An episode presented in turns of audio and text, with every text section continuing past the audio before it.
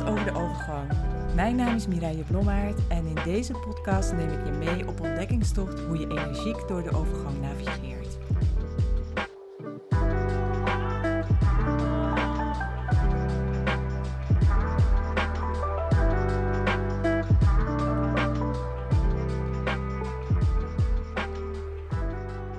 Ja, welkom bij alweer een nieuwe aflevering van de Menocast.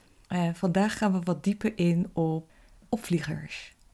Want als je overgang zegt, dan zeg je eigenlijk opvliegers. Ik wil het in deze aflevering met je hebben over wat opvliegers nu eigenlijk zijn. Ook dat er verschillende types opvliegers zijn en wat je eraan kunt uh, doen. Maar laat ik eerst eventjes beginnen met wat opvliegers nu eigenlijk uh, zijn.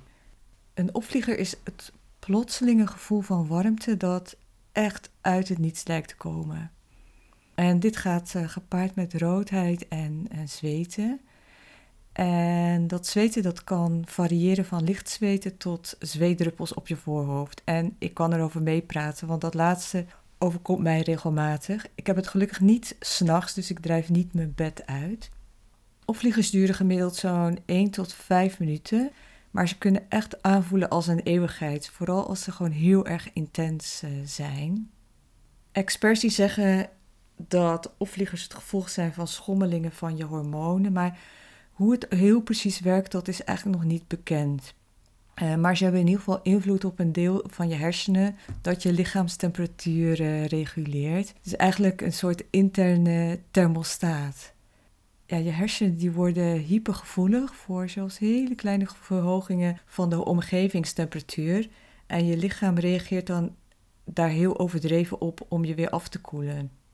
En dat betekent dat je bloed wegstroomt uit de kern van je lichaam en je brein. En dat gaat dan naar je bloedvaten in je huid.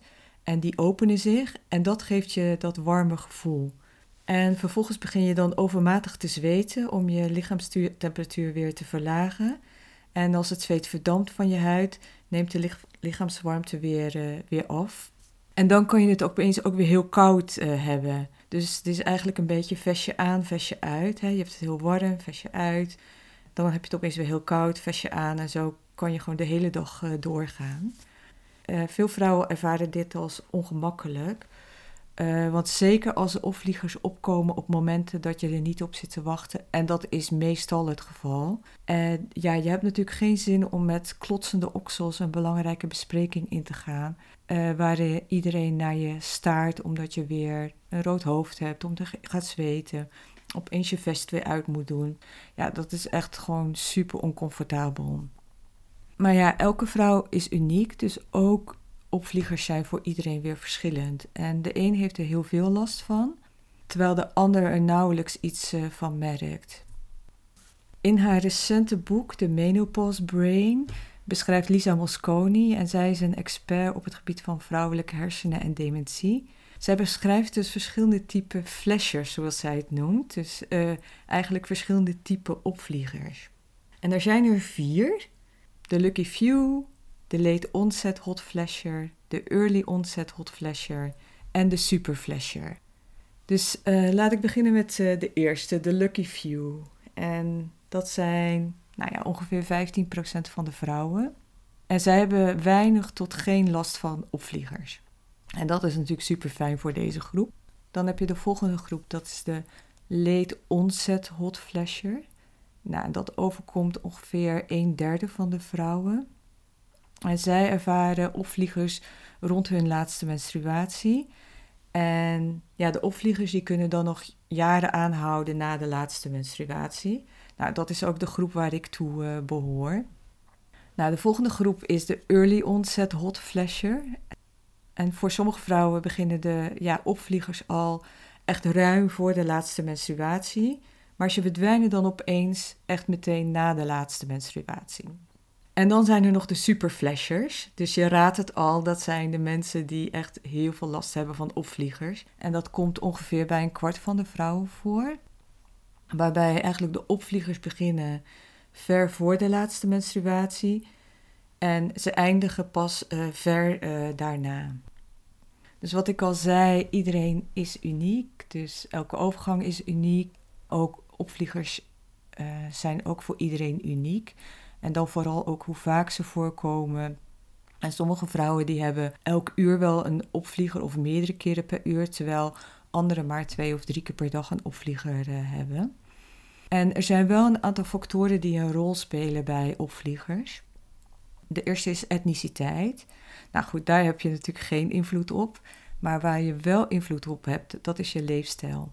want je leefstijl aanpassen kan echt wel een positieve impact hebben op het verbeteren uh, van je overgangsklachten. En leefstijlfactoren die opvliegers kunnen verergeren, dat zijn roken, alcohol, stress, overgewicht, maar ook bepaald, uh, bepaalde voeding. Dus uh, pittig eten kan ook opvliegers veroorzaken.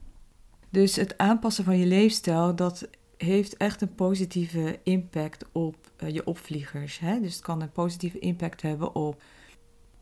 Het aanpassen van je leefstijl dat, hè, kan echt een positieve impact hebben op de intensiteit van opvliegers. Um, stoppen met roken, uh, weinig of geen alcohol drinken, dat zijn echt de goede eerste stappen. En daarnaast natuurlijk ook kun je denken aan ja, je stress verminderen, dus veel meer ontspanning inbouwen en je voedings- en beweegpatroon aanpassen. En dat gaat je gewoon echt helpen om uh, opvliegers uh, te verminderen. En ik ben wel eens benieuwd van welk type flasher ben jij? Je hebt nu gehoord welke type opvliegers er zijn.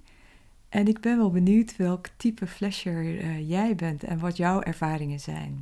Ja, we zijn alweer aan het einde gekomen van deze aflevering. En dus je weet nu wat opvliegers zijn, uh, wat ze doen in je lichaam, welke types opvliegers er zijn en wat je eraan kunt doen om ze te verminderen. En ik zie je graag terug in de volgende aflevering van de Menocast. Tot snel! Dankjewel voor het luisteren. De overgang is een nieuwe, uitdagende fase in je leven waarin er veel verandert. Het is mijn missie om vrouwen zoals jij te helpen om niet te blijven hangen in de misery van de overgang maar te ontdekken hoe je klachten kunt verminderen door je leefstijl, zodat je naar mastery gaat en je bewust en met volle energie naar een nieuwe fase in je leven gaat. Kun je niet wachten om op ontdekkingstocht te gaan? Download dan nu alvast de leefstijlgids weer in balans in zes stappen via mireilleblommaert.nl slash leefstijlgids.